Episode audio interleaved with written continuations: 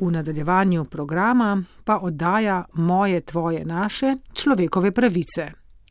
Ko se je Rosa Parks 1. decembra 1955 vračala z dela, ni vedela, da se bo tistega dne njeno ime zapisalo v zgodovino.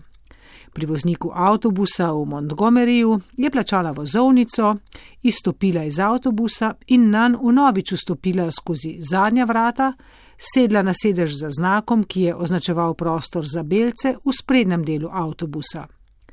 Po nekaj postajah pa se je ta del napolnil in voznik je prestavil znak, od Roze Parks pa zahteval, da se presede. Črnka se je voznikovi zahtevi uprla, čemur je sledila aretacija in na to še sojenje zaradi kršenja javnega reda in nespoštovanja lokalnega predpisa. V tokratni oddaji Moje, tvoje, naše človekove pravice bomo govorili o tistem delu splošne deklaracije človekovih pravic, ki prepoveduje diskriminacijo. Moje, tvoje, naše. Človekove pravice.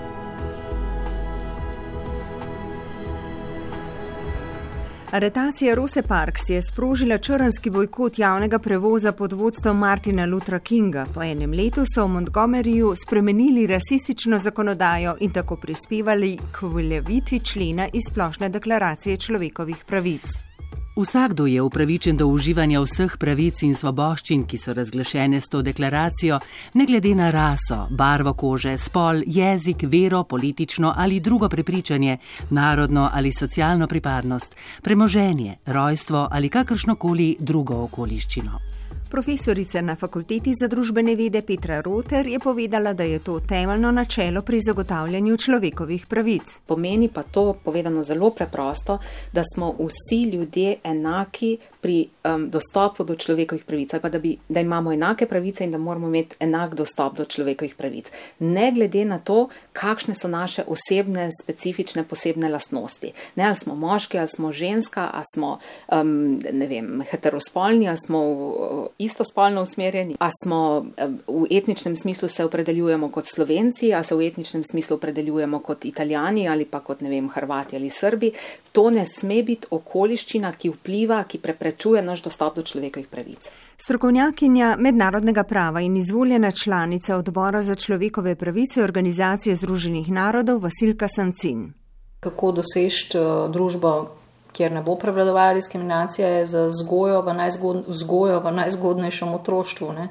ker je treba občutek za nediskriminacijo človeku privzgojiti, če že ga nima prirojenega. Ne? In uh, nobena zakonodaja, nobeno sankcioniranje kršitev ne bo pomagalo, če ljudje ne bodo imeli tega občutka uh, o enakopravnosti in enakovrednosti na ljudi. Kako je s tem v Sloveniji? O tem varuhinje človekovih pravic Vlasta Newsdorfer. Neurejeno pa leta in leta ostaja področje romske problematike. To je eno izmed področji diskriminacije, ki nas zelo skrbi. Eh, potem so tu enake možnosti po spolu, eh, LGBT skupnosti, kršitve pravic teh oseb in zadnje, ki je pa zelo, zelo pomembno, je kršitev pravic vseh invalidov. Direktorica Mirovnega inštituta Neža Kogovšek Šalomon je povedala, da gre za sistemsko delovanje prilagojeno povprečni večini, pri čemer so šipkejše manjšine izključene. Zdaj, primeri so, so um, znani, ne, recimo v Sloveniji bi definitivno morali uh, še vedno biti pozorni na položaj romske skupnosti ne, in, in tudi razlogi, zakaj ima naprimer romska skupnost, pa tudi ostali, ostale manjšine, nekatere posebne pravice, dodatne pravice, so ravno zato, da se izenačuje ta njihov izhodiščni položaj, ki je v osnovi nekoliko slabši, da bi, od, da bi zmanjšali vpliv te institucionalne sistemske diskriminacije. Moje, tvoje, naše človekove pravice. Otrok, ki ne konča osnovne šole v življenju, nima pravih možnosti za uspeh. V Sloveniji so taki romski otroci. Osnovna šola Bršlin iz Novega mesta je za lansko in predlansko šolsko leto sporočila, da pri njih konča šolanje le en odstotek romskih otrok.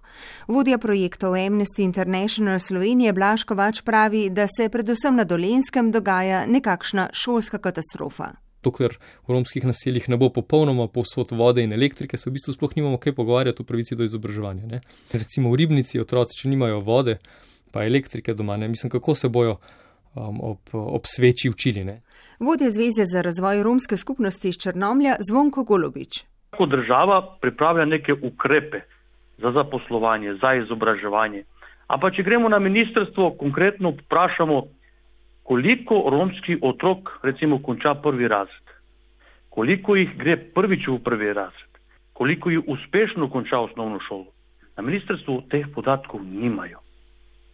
Za zaposlovanje prav tako, če greste na zavod za zaposlovanje, vprašati, koliko Romov je tukaj prijavljeni, s kakšnimi potrebami so tukaj prijavljeni, ljudje tega ne vedo.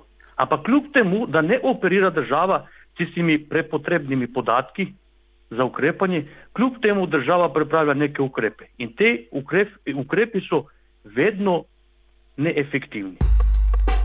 Moje, tvoje, naše. Človekove pravice.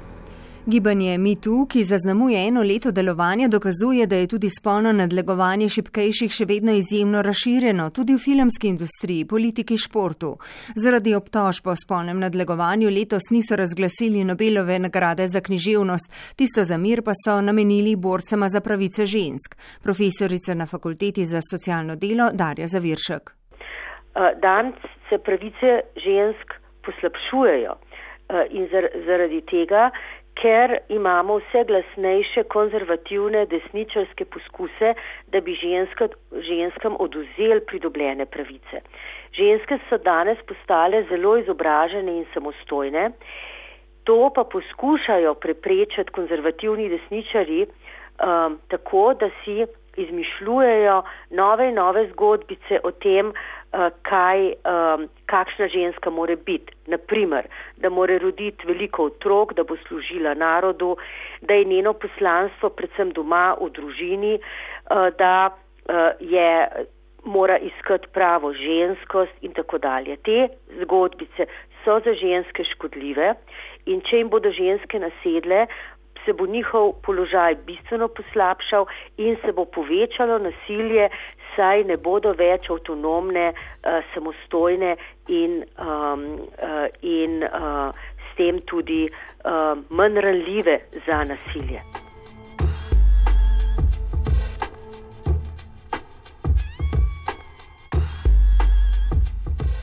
Diskriminacija je socialno zlo, ki temelji na zakorenjenih stereotipih in predsotkih. Ukrepanje vsakega posameznika lahko prepreči, da bi še kdo postal njena žrtev ali da bi celo dosegla grozovite razsežnosti, kot smo jim bili priče v zgodovini.